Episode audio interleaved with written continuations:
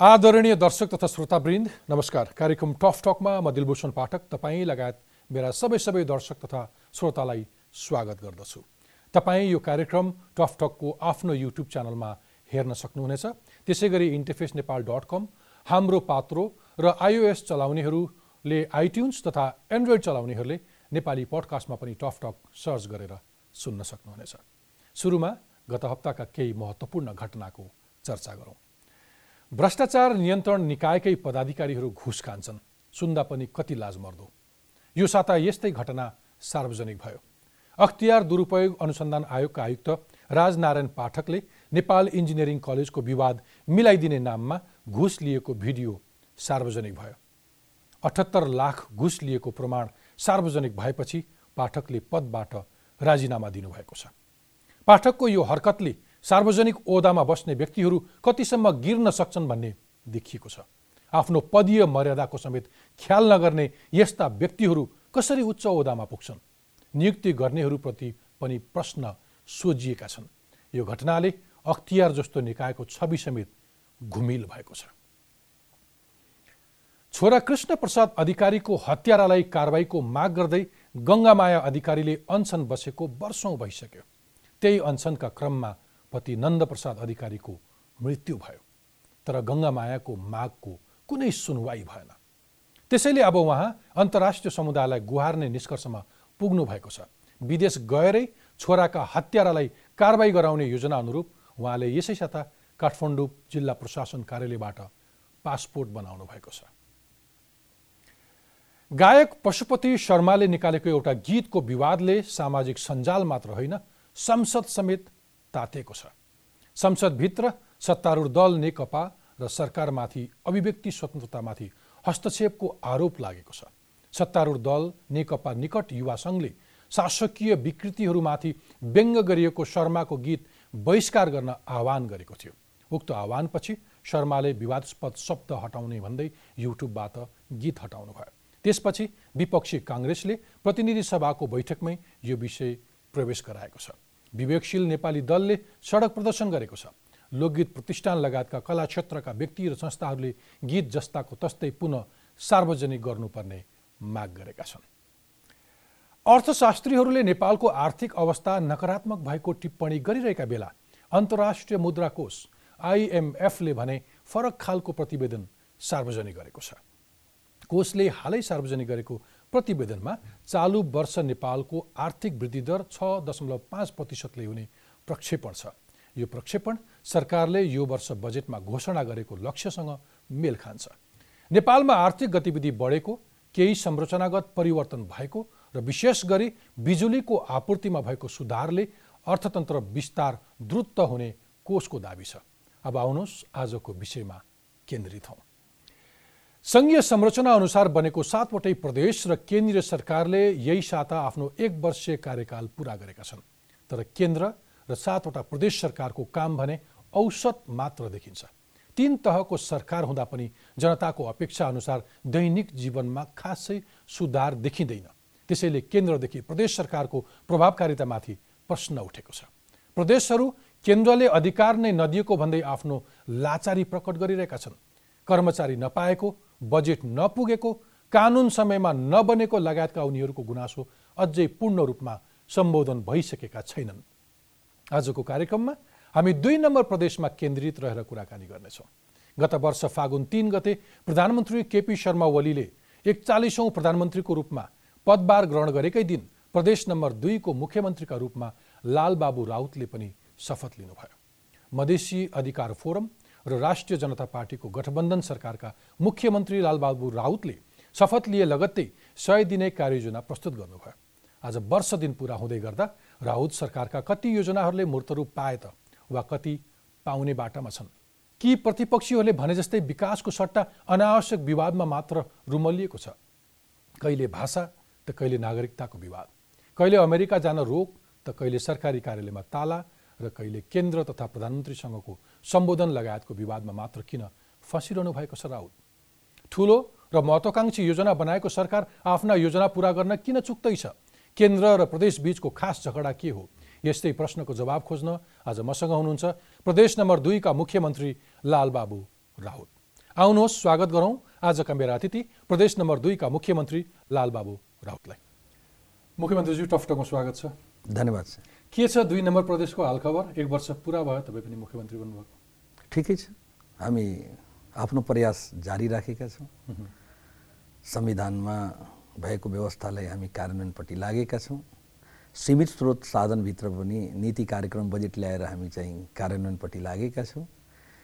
सङ्घबाट सीमित कर्मचारी पठाए पनि हामी नआतिएर आफ्नो काम सुरु गरेकै छौँ। प्रदेशका बासिन्दाले चाहिँ यो एक वर्षलाई कति ठिक मानेका छन्? तपाईँले माने मान, मान मानेका छन्। मानेका छन् कुन मामलामा भन्दाखेरि हामीले आफ्ना पीडाहरू सार्वजनिक गर्दै आएका छौँ। हामी भन्दै आएका छौँ कि पोलिटिसियन्सहरू काम गर्ने होइन। काम गर्ने त ब्युरोक्रेट्स हुन् कर्मचारी हुन्। अहिले जुन पहिले नै गृह कार्य गरेर कर्मचारी पठाउनु पर्ने हो समयमा हामीले दिनुपर्ने विभिन्न किसिमका संरचनाहरू कार्यालयहरू हामीले ह्यान्डओभर गर्नुपर्ने हो। त्यो नगरेर अहिले जुन किसिमको समस्या उत्पन्न भएको छ त्यो अहिलेको सङ्घीय सरकारको कारणले भएको छ हाम्रो कारणले होइन। त्यसैले केही एक वर्ष अगाडि तपाईँले आफ्नो कार्ययोजना बनाउँदै गर्दाखेरि यी सबै कुराहरू त आकलन गर्नुभएको थियो होला। अथवा मलाई पोइन्टमा भनिदिनुहोस् तपाईँले एक वर्ष अगाडि तपाईँले प्रस्तुत गरेको कार्ययोजनाहरूमा के के कुराहरूले सही बाटो लिए के के कुराहरू देख्न पाइन्छ? मैले सुरुमा विकास निर्माण त हाम्रो प्रमुख हो नै।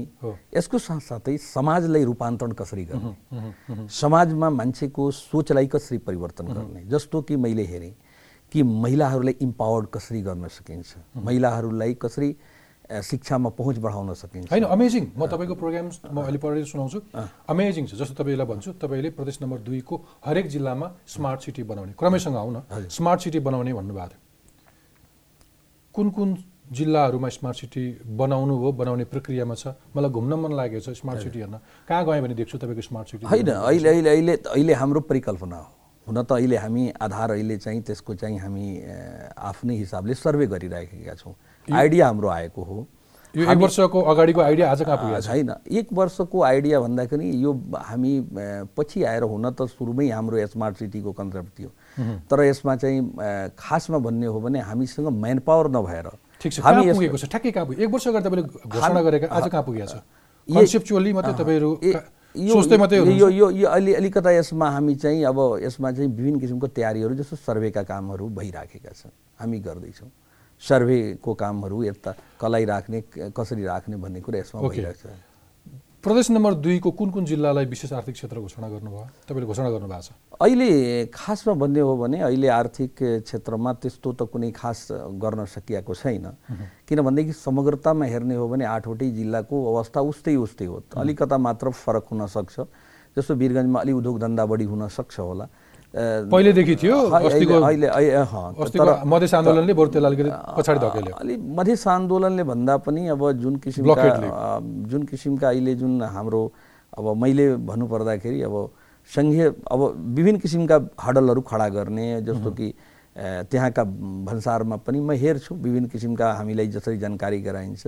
कि बिजनेसम्यानहरू चाहिँ यहाँ लगानी के अरे यहाँ इन्डस्ट्री खोल्नुभन्दा अन्यत्र खोल्दा राम्रो हुन्छ भन्ने कुरा। त्यसो भए यसरी स्वीकार्दा हुन्छ तपाईँले कि एक वर्ष अगाडि तपाईँले जे कार्ययोजना प्रस्तुत गरे पनि यो एक वर्षमा एक्ज्याक्टली केही भइसकेको छैन? तपाईँहरू सोचाइमा मात्रै हुनुहुन्छ सामान्य स्टडीमा मात्रै होइन होइन त्यस्तो छैन। जस्तो कि हामीले ल्याएका नीति कार्यक्रमहरूमा धेरै जसो हामी चाहिँ अगाडि बढेका पनि छौँ।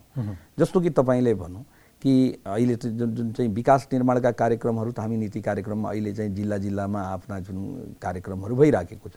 मेरो आफ्नो स्तरबाट सुरु गर्ने मैले जस्तो कि मुख्यमन्त्रीको दुईवटा अभियान महत्त्वपूर्ण अभियान हो। जस्तो कि तपाईँको बेटी पढाऊ बेटी बचाऊ अभियान। यो होइन होइन यो यो अभियान।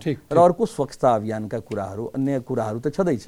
स्वच्छता अभियानको कुरा गर्दाखेरि यो यहाँ चाहिँ करोडौँ हिन्दूहरूको आस्थाको केन्द्र रहेको जानकी मन्दिर। जुन जानकी मन्दिरलाई सौन्दर्यीकरणबाट हामी सुरु गर्ने भनेका थियौँ। र मलाई के लाग्छ अहिले सारा प्रक्रिया पुरा भइसक्यो टेन्डर पनि भइसकेको छ मार्बलको चोइस पनि भइसकेको छ। मलाई लाग्छ कि दुई तिन महिनाभित्र बढीमा होला चार पाँच महिनाभित्र यो कम्प्लिट हुन्छ। त्यसैले अब क्रमशः होइन, होइन, म म- तपाईँले एउटा सुरुवातको कुरा गरेको। यो सोचलाई सुरुवात।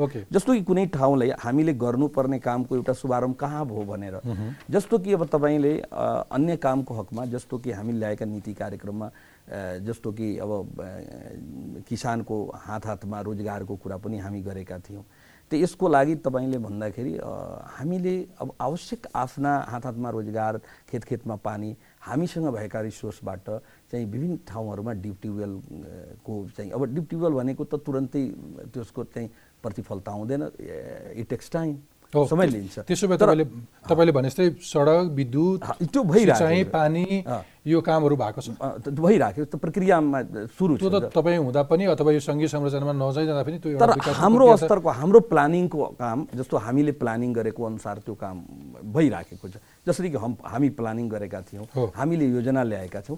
त्यो योजनालाई हामी चाहिँ त्यस किसिमबाट हामी सुरु गरेका छौँ। ओके। कम्पेरिटिभली तपाईँसँग मैले किन भने तपाईँ दुई नम्बर प्रदेश सबैभन्दा बढी आन्दोलन भएको तपाईँले अघि भन्नुभयो मसँग अनौपचारिक रूपमा कि सबैभन्दा बढी जनअपेक्षा भएको प्रदेश।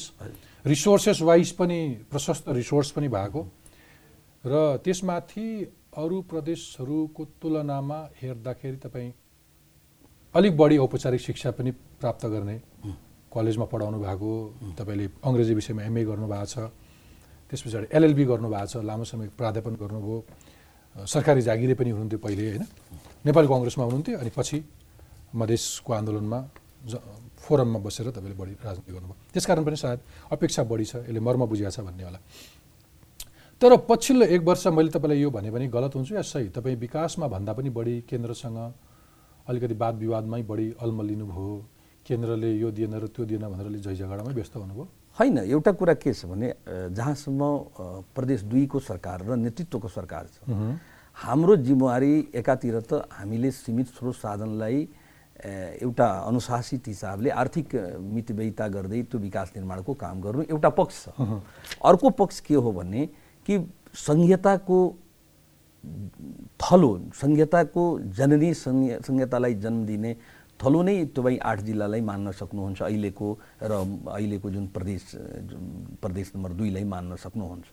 त्यसैले मलाई के लाग्छ भने मेरो दायित्व एकातिर सीमित स्रोत साधनलाई हामीले बनाएको नीति कार्यक्रम अनुसार अगाडि बढ्नु हो भने अर्कातिर मेरो अर्को थप दायित्व के छ भने जस्तो कि हामीले जुन सङ्घीय सरकारले जुन हामीले एक्सपेक्टेसन गरेका थियौँ संविधानले जुन कुरालाई हामीले चाहिँ दिएको छ हामी सबैको साझा दस्तावेज भनेको संविधान हो। संवि संविधानले जसरी कि संहितामा नयाँ संरचनामा मुलुक आइसकेपछि नयाँ संरचनामा अब कसरी नयाँ संरचना पनि स्थिर हुन्छ? अब तपाईँले भनौँ कि यहाँ यो मुलुकमा शान्ति स्थिरता र नभइन्जेलसम्म तपाईँको यो मुलुकले त समृद्धि हासिल गर्न सक्दैन विकास त हासिल गर्न सक्दैन। नेपाली। सुखी खुसी जुन हामी कल्पना लिएर गरेर अगाडि बढेका छौँ त्यो त हुँदैन। त्यसैले मलाई के लाग्छ भने ठिक छ। आज तपाईँ संविधानमा भएका जुन प्रावधानहरू छन् त्यो प्रावधानहरूलाई तपाईँ अक्षरशः पालन गर्नुहोस्। तपाईँ र हाम्रो भन्दाखेरि सङ्घ सरकार र प्रदेश सरकारको साझा दस्तावेज यो- यो मेरा दर्शकले यति घुमाउरो बुझ्दैनन्। सिधा सिधा भन्नुहोस्। तपाईँ के भन्नुहुन्छ केन्द्रले अधिकार दिएन? अधिकार दिएन। दिएन। दिएन। तपाईँले यो यत्रो घुमाएको एउटा पोइन्टमा कुरा गर्दाखेरि तपाईँलाई केन्द्रले अधिकार दियो अधिकार दिएन। केन्द्रले प्र- प्रदेशलाई अधिकार दिएन। अधिकारमा जस्तो कि तपाईँहरूलाई समस्या केन्द्रले दिएको स्थानीय तहलाई दिएको अधिकार प्रदेशले पाएन? त्यो स्थानीय तहको अधिकार हामीलाई चाहियो भनिरहनु भएको होइन होइन। त्यो होइन। किन भन्दाखेरि तिन तहकै सरकार गठन भइसकेपछि संविधानको धारा छप्पन्नको दुई तपाईँ हेर्नुहुन्छ भने राज्य शक्ति तिनटै तहभित्र राखिएको छ। मलाई के लाग्छ भने स्थानीय तहलाई जुन किसिमका संविधानले प्रत्यायोजित गरेको अधिकार तपाईँ दिनुहोस्। हाम्रो त्यहाँ चाहिँ कुनै किसिमको असहयोग कुनै किसिमको विमति छैन। तर संविधानले जुन कुरा हामीलाई दिएको छ त्यो पनि पोइन्टमा भन्नुहोस्। के के दिएको छ के के माग्नु भएको तपाईँलाई केन्द्रले के के दिएन? अब अब तपाईँ हेर्नु संविधानको जुन अनुसूची तपाईँ छलाई हेर्ने हो भने छको एक नम्बरमा ठ्याक्कै हेर्नु के छ बुझ्ने गरी हाँ, भन्नुहोस् म मेरो भन्छु। त्यहाँ के छ भने प्रहरी प्रशासन र शान्ति सुरक्षा प्रदेशभित्र हुने। एकदम स्पष्ट रूपले दिएको छ। तर त्यही भएर तपाईँले केन्द्रले काम गर्नुभन्दा अगाडि नै जितेर तपाईँ आफैले होइन गरिहाल्नु त्यो संविधानले दिएको कुरा संविधानको दुई सय अडसट्ठीले के भन्छन् भने प्रदेश प्रहरी गठन गर्ने। गठन भइसकेपछि पोस्ट चाहिँ त्यसलाई सञ्चालन गर्ने समन्वय गर्ने ऊ त्यसलाई चाहिँ समायोजन के विभिन्न किसिमका जुन त्यसपछिको प्रक्रिया आउँछ नि त्यसैले हामी चाहिँ त्यो संविधानको धारालाई टेकेर नै त्यस किसिमका गरेका छौँ। तर के देखियो भने कि सङ्घीय सरकारको जुन एटिच्युड देखियो एटिच्युड भन्दाखेरि तपाईँले भनौँ कि प्रहरी प्रशासन हामीले ल्याइसकेपछि संविधानले त यो भन्दैन। संविधानले जब संहितामा मुलुक गइसकेपछि त यो त के हो भने यो डिभिजन अफ पावर हो नि। यो उसले चाहिँ हामीलाई दिने होइन। No one is just the giver and taker they are not giver and not we are taker तर टेक्निकली तपाईँ वर्डै हेर्नुपर्ने सेन्टर केन्द्र भन्नुभएको छ नि त होइन। तर केन्द्र भनिसकेपछि त केन्द्रको कुनै व्याख्या होला केन्द्रको कुनै क्षेत्र अधिकार होला होला। होइन? नीति निर्माण जस्तो जस्तो एउटा एउटा विवाद केन्द्र आफैले सुरक्षासँग सम्बन्धित प्रहरीसँग सम्बन्धित कुनै नयाँ नीति बनाउनुभन्दा पहिले तपाईँहरू एक स्टेप अगाडि निस्किनु। होइन। तपाईँ तपाईँ सुन्नुहोस्। संविधानले जुन कुरालाई दिइसकेको छ। अहिले तपाईँले भन्नु दुर् दुर्भाग्य छ नेपालमा। संविधानले जुन प्रत्यायोजित गरेको स्पष्ट दिएको छ संविधान। एकदम स्पष्ट दिएको छ। एक नम्बरमै छ जे प्रदेशको प्रहरी प्रशासन र शान्ति सुरक्षा प्रदेशको जुरिडिक्सनभित्रको छ। एकल अधिकारभित्र दिएको छ। हो हामी भनेको यो प्रदेश भनेको सङ्घीय सरकारभन्दा बाहिरको होइन। हामीले कहीँ गलत गर्छौँ भने त्यो निर्देशन गर्ने त्यसलाई नियन्त्रण गर्ने छ।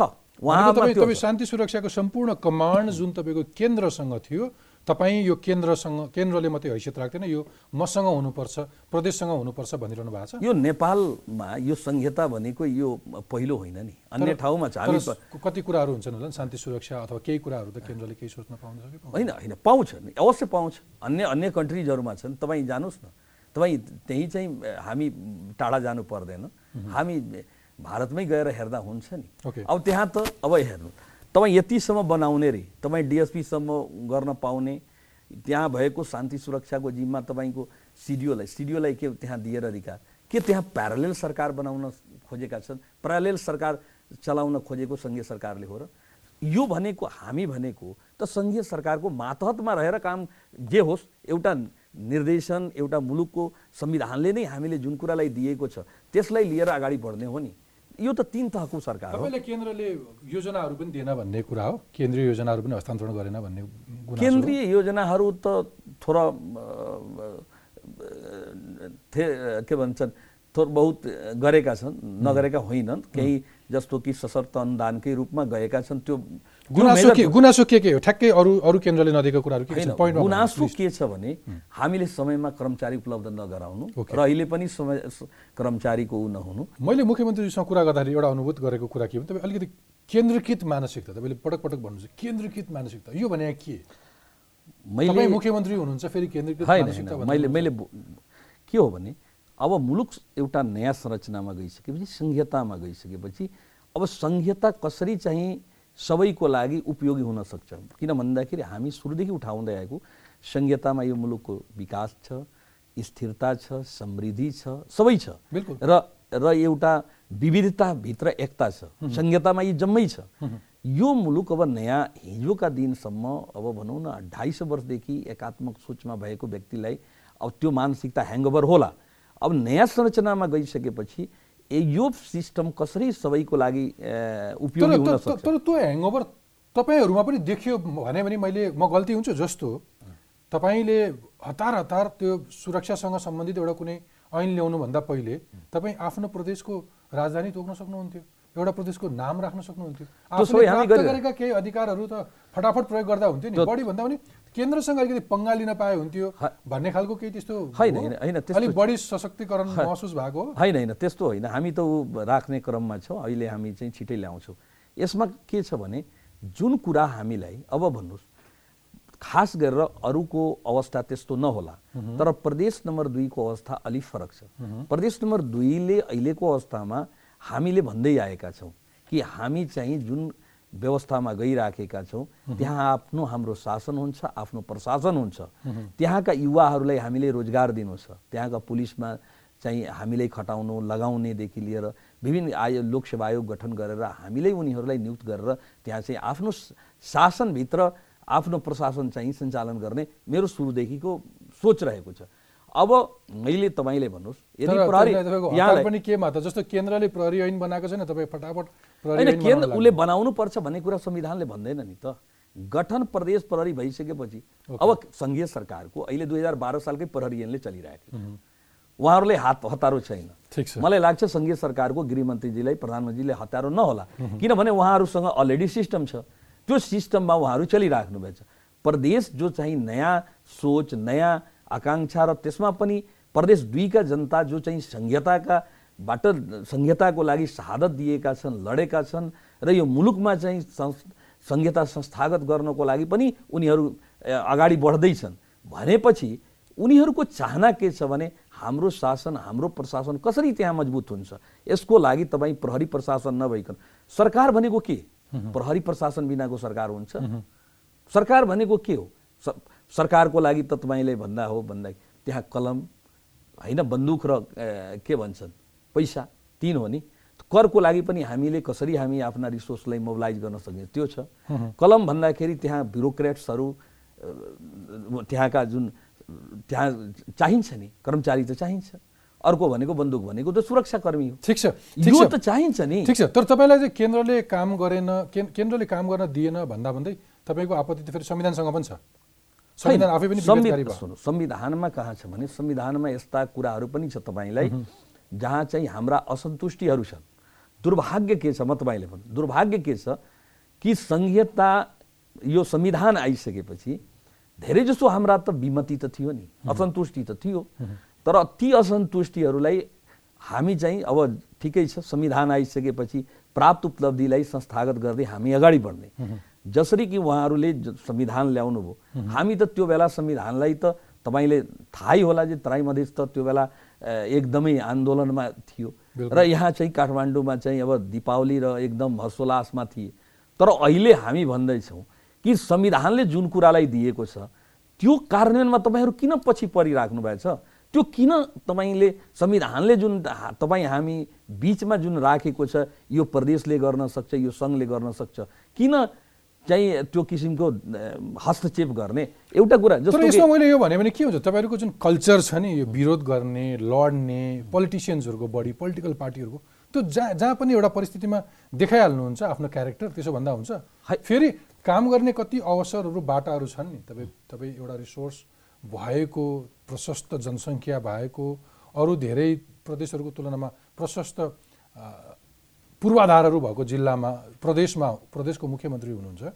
गर्ने यति धेरै ठाउँ छ तपाईँ केन्द्रलाई दोष देखाएर अथवा संविधान अ, ले व्यवस्था गरे अनुसार केन्द्रले मलाई अधिकार दिएन अथवा योजना दिएन भनेर यो यो दोष देखाउनु भन्दा त त्यही गर्ने ठाउँहरू प्रशस्त थियो नि होइन? म तपाईँले त्यो गरिहाल्दा हुँदैन। म तपाईँले भनौँ जनताले केही अनुभूत गरोस् एउटा एउटा। कुरा।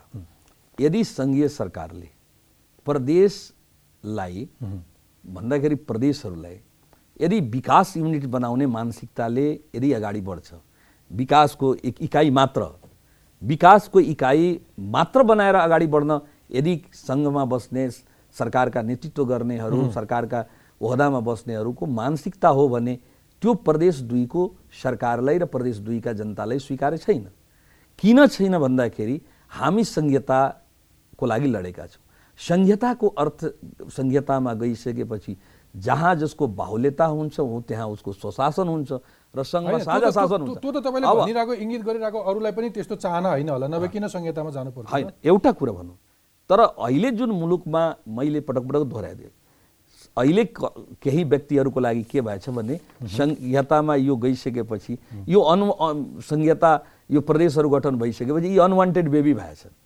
भन्दाखेरि फाल्न पनि नसकिने र माया र मोह पनि र उसलाई जुन किसिमका पौष्टिक आहार चाहिने सुरुका दिनमा चाहिने कुराहरू पनि नदिने। तर एउटा मुख्यमन्त्री सबै सबै हचुवाको बलमा एउटा कुरा सबै हचुवाको बलमा। अब मानिहाल्नुहोस् कि राष्ट्रिय प्राकृतिक स्रोत तथा वित्तीय आयोगको गठन नगरिकन एउटा चाहिँ अन्तर सरकारी वित्तीय ऐन ल्याएर पन्ध्र पन्ध्र प्रतिशत गाउँपालिका र नगरपालिका र सत्तर प्रतिशत दिने।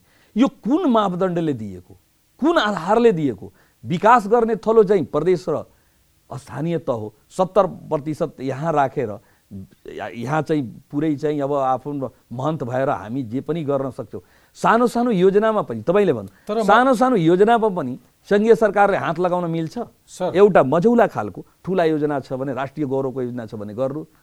साना योजना मझौला योजना पनि तपाईँ गर्न थालेपछि प्रदेश र के अरे स्थानीय तहको काम? मलाई माफ गर्नु होला यो यो पहिले खाइहालौँ पहिले पेट भरि भरिहालौँ अनि विरोध गरौँ जस्तो देखिएन। तपाईँ आफै एउटा कुनै प्रदेशको मुख्यमन्त्री हुनुहुन्छ? नेपालको संविधान अनुसार? हजुर। एउटा सङ्घीय प्रदेशको मुख्यमन्त्री हुनुहुन्छ?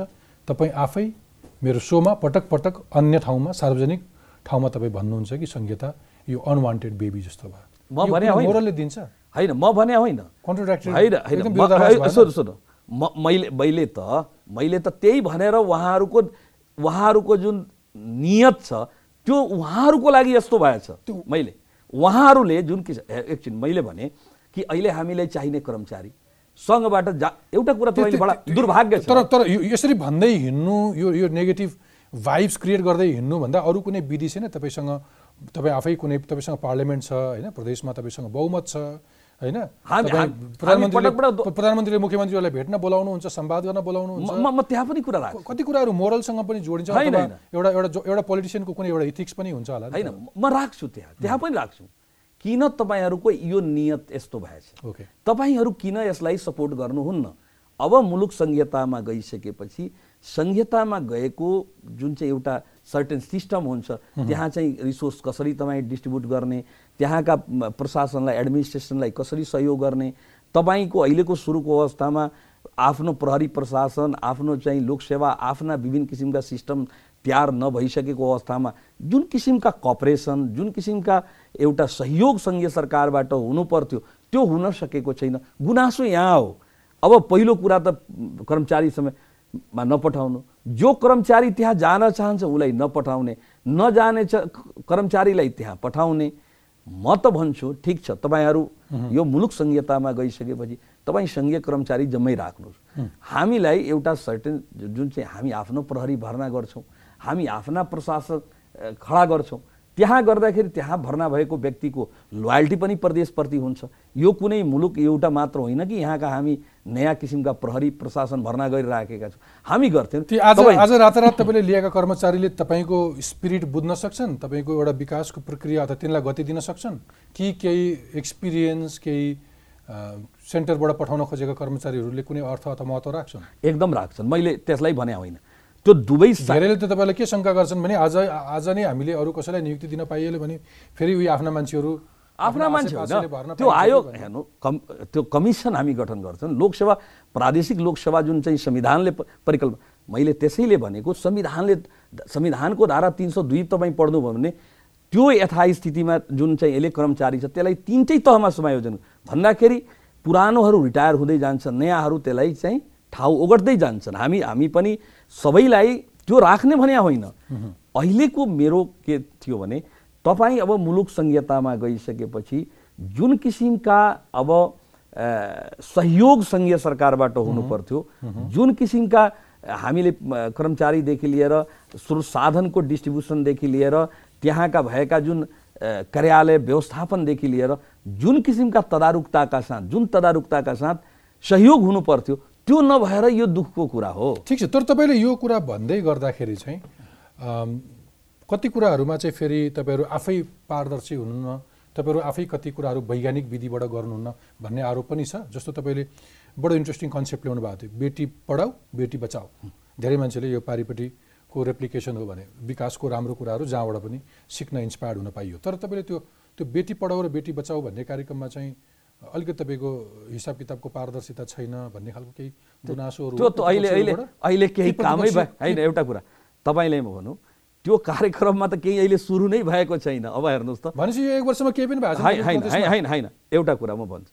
म आएपछि सुरुमा जुन शपथ लिएपछि म तिन महिनाको नीति कार्यक्रम ल्याएका थिएँ। ओके। अब तिन महिनाको नीति ल्याउँदा लाउँदाखेरि मैले भने अस्सी पचासी लाख थियो मैले भने साइकल किन्नलाई भन्नु। जब लास्ट समय आयो त्यसपछि त्यहाँ प्रशासन का चाहिँ अब मेरो कार्यालयका सचिव अहिले हजुर के के गडबड भयो अब सुन्नुहोस् बडा इन्ट्रेस्टिङ छ। होइन? त मैले भने के गर्नुपर्छ? मैले भने त अप्ठ्यारो भयो नि त। त होइन यो त अब हामी खरिदेनको अलिकता त्यो फलो गरेनौँ भने त्यो बित्यो। फेरि के भने तपाईँ मानसिकताको मैले कुरा किन पटक पटक दोहोऱ्याउँदैछु यसबाट पनि देखिन्छ। मैले भने ठिक छ। मैले भने त्यसो भए त किन पाइँदैन? त उहाँले भन्नुभयो कि ठिक छ। कि हामी पाँच लाखसम्म त यसरी खरिद गर्न सक्छौँ। त पाँच लाखको उहाँ नै साइकल खरिदको जुन चाहिँ अस्ति चाहिँ एउटा गाउँपालिका सत्तरीको एउटा गाउँपालिकामा दिएर आयो। अर्कोमा भनौँ। त्यसपछि सुरुमा नै तपाईँ साइकलको उ गर्नुहोस् विज्ञापन गर्नुहोस्। हामीलाई किन भन्दाखेरि मेरो सोच के छ भने त्यो गाउँ गाउँमा जुन सामुदायिक स्कुलमा पढ्ने छोरीहरू छन् उनीहरूको लागि कमसेकम यो आर्थिक वर्षमा एक एक हजार साइकल दिने। हरेक जिल्लामा एक एक हजार मतलब टोटल आठ जिल्लामा आठ हजार साइकल दिने। यसको लागि गर्नुभयो एकजना पाँचवा नम्बरको व्यक्तिले के लेखेर पठाइदिए त्यसपछि के गर्नुभयो कि पाँचवा नम्बरको परेन। अब बडा इन्ट्रेस्टिङ परेन। त्यसपछि यहाँ फाइल झिकायो ठिक छ। त्यसपछि अहिले चाहिँ अहिले चाहिँ फाइल खोलेर राखेको छ। सायद कसैको परेको छ। मलाई थाहा छ, अर्को अर्को यसमा एउटा थप हो। र अर्को कुरा के छ हामी सूचना गरेका थियौँ तपाईँको एक लाख बिमाको लागि है? जुन नौ गते यही राष्ट्रपतिजी सामान्य राष्ट्रपतिजी सुरु गरिराख्नु भएको छ वीरगञ्ज पर्सि सुरु गरिराख्नु भएको छ यो कार्यक्रमको लागि हेर्नुहोस् यो कार्यक्रमको लागि हामी सूचना दियौँ। धेरै एलआइसी ब्याङ्कहरू आए। हामी सूचना दिएपछि एलआइसीले तिस हजार एक लाखको लागि बिस वर्ष पुगिसकेपछि एक लाखको लागि भनिराखेको एलआइसीले हामीलाई दिने।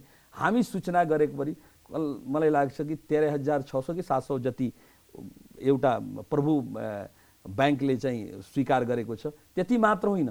उसले एक हजार थपेर पछि चाहिँ त्यो छोरी बिस वर्ष पुगिसकेपछि एक लाख पच्चिस हजार दिने भएछ। हामी कम्पिटिसन गरेका छौँ।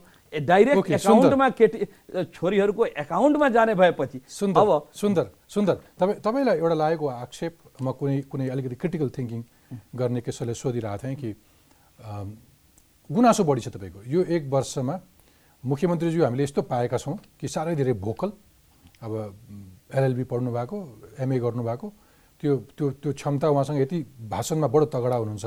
काममा केही पनि भएको छैन। एक वर्ष अगाडि उहाँले प्रस्तुत गरेको कार्ययोजना केही पनि भएको छैन।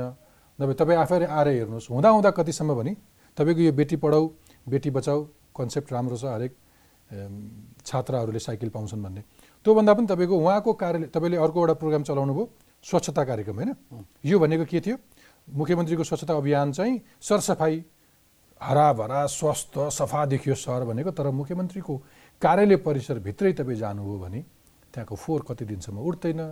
मान्छेले पान खाएर थुकिरहेको उहाँको कर्मचारीले थुकिरहेको पान। खाएको त पाउनुहुन्न।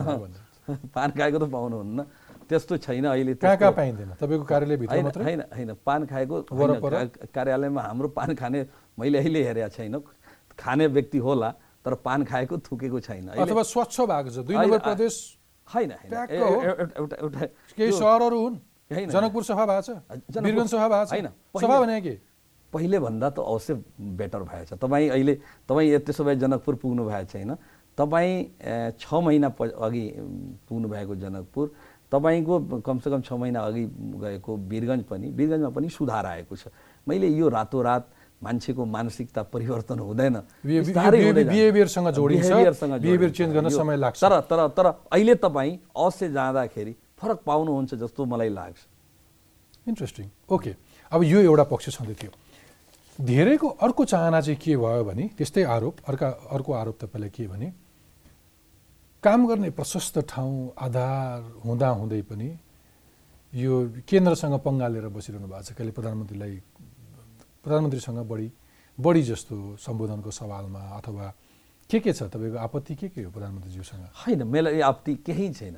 उहाँको के हो होइन? प्रधानमन्त्रीजीसँग म म उहाँलाई अब मुलुकै हाम्रो सबैको प्रधानमन्त्री भएपछि म उहाँलाई एकदमै आदर गर्छु म उहाँलाई सम्मान गर्छु। उहाँको चाहिँ केही आपत्ति छ होइन म उहाँसँग पनि म भेट्दाखेरि कुनै आपत्ति पनि छैन उहाँको। अनि छ छ घन्टा एउटा मुख्यमन्त्रीलाई किन रुङ्गाइदिनु भयो तपाईँ? होइन होइन त्यो त्यो होइन उहाँले रोक्नु भएको थिएन तपाईँले भन्नु। उहाँले रोक्नु भएकै थिएन। म तपाईँलाई जानकारी होइन, त्यस्तो होइन? त्यस्तो होइन। म तपाईँले त्यो ब्रिफिङ गरौँ। होइन होइन। एउटा कुरा। म उहाँलाई बोलाएपछि नि त्यही दिन उहाँहरूको राष्ट्रपति पार्टीबाट को हुनेहरू चल्थ्यो तपाईँ जानुहुन्छ कि बस्नुहुन्छ? चिया खाएर बस्नुहोस् न त्यसपछि उहाँहरूकै बैठक एक्सटेन्ड भयो। आएर मलाई उहाँले आफै चाहिँ देशको अब प्रधानमन्त्री मलाई बिचमा दुईचोटि आएर भन्नुभयो तपाईँले त अप- अप्ठ्यारो त छैन। बिचमा उहाँ चाहिँ हामी बस्दाखेरि माधव नेपालजी पूर्व प्रधानमन्त्री उहाँसँगै आउनुभयो। र मलाई पहिलोचोटि मलाई गर्व छ देशको प्रधानमन्त्री मसँग पैँतिस मिनट छलफल गरे। तपाईँको एक बजेदेखि लिएर एक पैँतिससम्म पूर्व प्रधानमन्त्री माधव कुमार नेपालजी र अहिलेको सम्मानीय प्रधानमन्त्री मलाई पैँतिस मिनट मसँग कुरा गर्नुभयो। यो मेरो लागि त पैँतिस मिनट त्यसो त्यसो हो भने भारतीय प्रधानमन्त्री मोदीजीको नेपाल भ्रमण हुने कुरा औपचारिकता हुन् नहुँदैखेरि यो सरकारले थाहा नपाउँदैखेरि तपाईँ खुसुक भारतीय राजदूतलाई भेट्न पुग्नुभयो? होइन यो यो त यो तपाईँहरूको यो कहाँबाट जानकारी पाउनुभयो? यो के भन्ने दुई देशको सम्बन्ध चाहिँ प्रदेशको क्षेत्राधिकारभित्र पर्दैन। हामीलाई त्यहाँ होइन। सङ्घीय सरकारबाट यो जानकारी भएपछि मात्रै हामीले पाउने तपाईँलाई भन्नु म र म र यो यो हाम्रा प्रधानमन्त्रीजी एउटै कार्यक्रममा सिराहामा थिए त्यो सिराहाको कार्यक्रममा उहाँको मुखबाट म पहिलोचोटि सुने कि एक महिनापछि भारतीय प्रधानमन्त्री यहाँ आइराख्नु भएछ। म पहिलोचोटि उहाँको मुखबाट यहाँका राजदूतले तपाईँलाई भने। होइन राजदूत होइन। यो हाम्रो ओलीजी र म एउटै कार्यक्रममा सिराहामा एउटा स्कुलको यो बच्चाहरूको एडमिसनको सन्दर्भमा त्योभन्दा अगाडि राजदूतले भने होइन। छैन छैन। मलाई कसैले भनेको छैन। किन भन्दाखेरि हाम्रो हाम्रो सरकार भनेको विदेशीहरूसँग यो सङ्घीय सरकारको मार्फत हो। त्यसैले यो कसैले यस्तै भन्छ भने मैले त यहाँ के भन्छु भने हाम्रो राष्ट्रियता खास गरेर तराईका राष्ट्रियतामाथि कसैले शङ्का नगर्नुपर्ने हो। यहाँको राष्ट्रियतामा म भन्छु यो देशको अखण्डता सार्वभौम सत्ता प्रति जति मधेसीहरू इमान्दार छन् यो मुलुकका मलाई लाग्दैन कि अन्यहरू इमान्दार छन्। यो त्यसै अर्को कारणले रिसाउनु भएको हो त्यसो भए तपाईँलाई चाहिँ यो सरकारको चाहना चाहिँ भारतीय प्रधानमन्त्री मोदीको भ्रमणका बेलामा चाहिँ भाषाको हिसाबमा तपाईँले भाषा भन्दा पनि तपाईँले भारतीय प्रधानमन्त्रीको उपस्थितिमा संविधान साह्रै धेरै विभेदकारी भयो भनेर मुख्यमन्त्रीले भनिसकेपछि चाहिँ अलिकति चिसो उहाँहरूको सम्बन्धले चिसो हो यही कुरा हो। मेजर कुरा यो छ। भाषाको सन्दर्भमा पनि अब यहाँबाट कन्सर्न थियो प्रोटोकल अफिसरको कन्सर्न थियो कि सकभर नेपालीमा बोल्दाखेरि उपयुक्त हुन्छ। मैले भने कि मैले नेपाली म भोजपुरी भाषी परेँ। म्याथली पनि मेरो अप्ठ्यारो हुन्छ बोल्न। र कि त मैले बोल्ने हो भने हिन्दी बोल्ने हो भोजपुरीको एउटा सीमित छ दुई तिन जिल्लाहरूमा बोलिन्छ। र म चाहिँ यता जनकपुरतिर बोल्दाखेरि यता पाँच जिल्ला फेरि ऊ हुन्छ। र दुवैको लिङ्क भनेको ल्याङ्ग्वेज भनेको कि त मसँग विकल्प हिन्दी र नेपाली थियो। त मैले भने कि नेपालीमा कुरा गर्दाखेरि यहाँको परिस्थितिले त्यतिको उपयुक्त हुँदैन। यहाँ सबैले बुझे। मिठो नेपाली जान्दा जान्दै पनि तपाईँलाई होइन होइन मलाई मैले बुझेको कि यो ठाउँको लागि जहाँ भोजपुरी भाषी छन् मैथिली भाषी छन् यहाँको हिन्दी नै उपयुक्त हुन्छ। हिन्दी उपयुक्त थियो तपाईँले बोल्नुभयो। हिन्दीसम्म ठिक थियो। त अरू ठाउँहरू हुँदा हुँदै त्यही संविधान जुन स्वीकारेर तपाईँ मुख्यमन्त्रीको कुर्सीमा बसिरहनु भएको छ तपाईँले फेरि त्यही संविधानको ध्वजी उडाउनु भयो विदेशी छिमेकी मुलुकका प्रधानमन्त्री आएका बेला होइन तपाईँ तपाईँ त्यसको ल्याङ्ग्वेज तपाईँ पढ्नु मैले बोलेको। अहिले पनि हामीसँग यो संविधानमा धेरै असन्तुष्टिका कुराहरू छन्। त्यति मात्र राखेको अन्य धेरै थोक छैन त्यहाँ। तर के रह्यो भने एक त हिन्दीमा चाहिँ अब हिन्दी भाषालाई पछ्याउन नसक्नेहरू पनि त्यहाँ उनको आक्रोश त्यो भयो। अर्को चाहिँ अब भारतीय मित्रराष्ट्र भारतका त्यहाँका महामहिमको अगाडि यो मुख्यमन्त्रीले किन त्यस्तो कुरा गरे? उहाँहरूको कुरा त्यो थियो र मलाई लाग्दैन कि मैले चाहिँ त्यतिको अब जसरी तर त्यसले त्यत्रो हङ्गामा क्रिएट भयो त्यत्रो धेरै असन्तुष्टि हुँदा त्यत्रो धेरै सम्बन्ध बिग्रियो तपाईँको केन्द्रसँग होइन म मलाई त त्यसपछि पनि प्रधानमन्त्रीजीको बोलाउँदाखेरि मैले त आएँ आफ्नो कुरा अलिकति स्वभावले अलिकति मधेसमा अलिकति बढी आक्रोश हुन्छ त्यो त असन्तुष्टि अथवा विभेदहरू भएपछि त एउटा पार्ट हो। तर अरू बेला पनि आक्रोशहरू देखिन्छ। तपाईँ आफै मुख्यमन्त्री आफै सरकारी कार्यालयमा ताला लाउन जानुहुन्छ। तपाईँको सरकारका आर्थिक मामिला तथा योजना मन्त्री विजय कुमार यादवले अस्ति पुस उन्तिस उन्तिस गते सचिव विद्यानाथ मा झामाथि कार्यकक्षमै थप्पड हान्नुहुन्छ। नेपाल कम्युनिस्ट पार्टीका प्रदेश सांसद मन्जु यादवले जेठ जेठ तेइस गते प्रदेशसभा सदस्य किशोरी शाह कमललाई त्यसरी नै पिट्नुभयो। राष्ट्रिय जनता पार्टीका प्रमुख सचेतक परमेश्वर शाहलाई सोही पार्टीका केन्द्रीय सदस्य सञ्जय चौधरीले फेरि पिट्नुभयो। यो अलिकति संस्कार हुँदैन तपाईँहरूको राजनीति गर्ने मान्छेहरूको? अहिले अहिले के छ भने संस्कार भन्दा पनि अब यो सबै घटना हुनु दुर्भाग्यपूर्ण छ। अन्य प्रदेशहरूमा पनि भएछ नि। तिन नम्बरमा के सचिवालय कोटिया। होइन। होइन। के होइन त्यहाँ तिन मैले मैले यसलाई राम्रो जस्टिफाई गर्न खोजे होइन। म मात्र यति भन्छु यो जम्मै घटना घट्नु भने दुर्भाग्यपूर्ण हो। बिल्कुल। यो एउटा लोकतन्त्रमा डेमोक्रेसीमा सबैलाई सम्मान गर्नुपर्छ कुरो गर्नु हो भने मुखले गर्नुपर्छ चाहे जोसुकैसँग जे घटना भयो त्यो दुर्भाग्यपूर्ण घटना हो।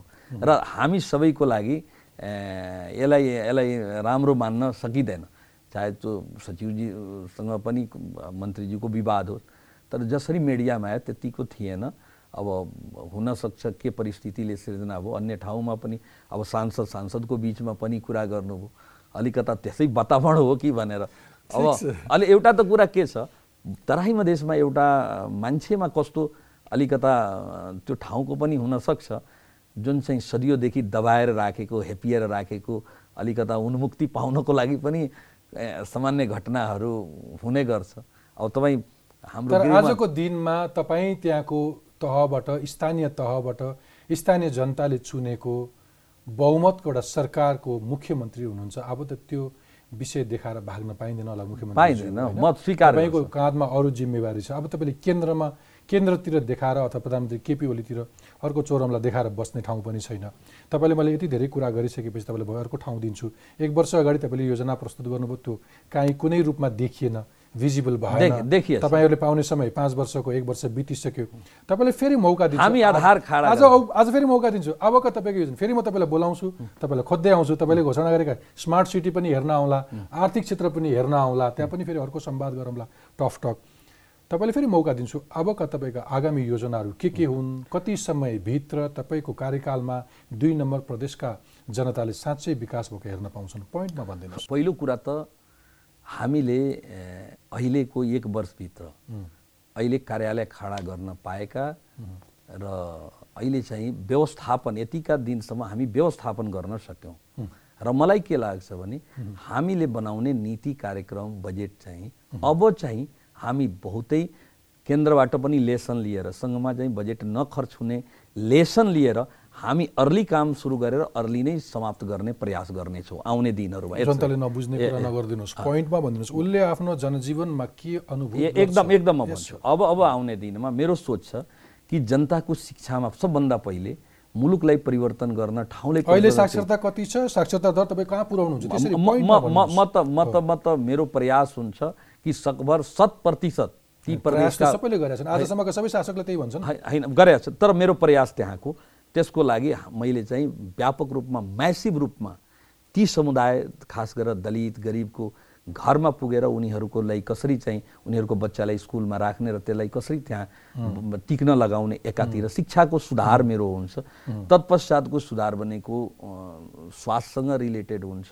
किनभने यसको लागि र तेस्रो सबभन्दा महत्त्वपूर्ण किसानको लागि। मलाई लाग्छ किसान वेलफेयर स्टे किसानहरूको लागि। मलाई लाग्छ किसानहरूको चाहिँ अब एउटा स- उनीहरूलाई कसरी त्यहीँ राहत पुग्न सक्छ? जो गरिब किसानहरू छन् मल खादको बिना चाहिँ उनीहरू समयमा उनीहरू खेतीपाती गर गर्न सक्दैन। उनीहरूलाई कसरी चाहिँ त्यो राहत पुर्याउन सकिन्छ त्यसतिर हुन्छ। अर्कोतिर अर्को महत्त्वपूर्ण सबभन्दा मेरो सोच के छ भने कि त्यो कसरी त्यो प्रदेशलाई इन्भेस्टर्स फ्रेन्डली बनाउने इन्भेस्टर फ्रेन्डली त्यसको लागि आवश्यक तप- तपाईँले भनिरहेको कुराहरूको अपर्च्युनिटिजहरू एक्सप्लोर गर्नुको लागि चाहिँ कोही मान्छेहरूको टिप्पणी के छ भने मधेसका जिल्लाहरू मधेसमै मात्रै रहे अथवा मधेस मधेसका जिल्लाहरू मात्रै तराईका तलका जिल्लाहरू मात्रै भए। तर त्यही जिल्लामा अरू प्रदेशहरू जस्तै कुनै पहाडी जिल्लाहरू अथवा अरू थप जिल्लाहरू जोड्न सकियो भने पहाडी क्षेत्रहरू जोड्न सकियो भने चाहिँ त्यसको स्रोतहरू अरू परिचालन हुनसक्छ त्यसमा अपर्च्युनिटिजहरू बढ्छन्। भन्ने छ तर तपाईँ होइन त्यतातिर जानै सकिँदैन। मधेसका जिल्लाहरूको मात्रै रहन्छ दुई प्रदेश भन्दै हुन्छ। यो- त्यसमा त्यसको कुनै सङ्कुचन कारण अथवा अरू भित्री कुनै कारण छ? अहिले यो कुरा त तपाईँले भन्दाखेरि यो जुन प्रदेशका संरचना गर्नेहरू जुन त्यहाँ थिए नि मेकरहरू उनीहरूलाई बढी थाहा छ। यिनीहरूले नि पुरै यो आठ जिल्लालाई जुन चाहिँ आन्दोलनका केन्द्रबिन्दु रहे त्यो पारिदिए। मलाई लाग्छ?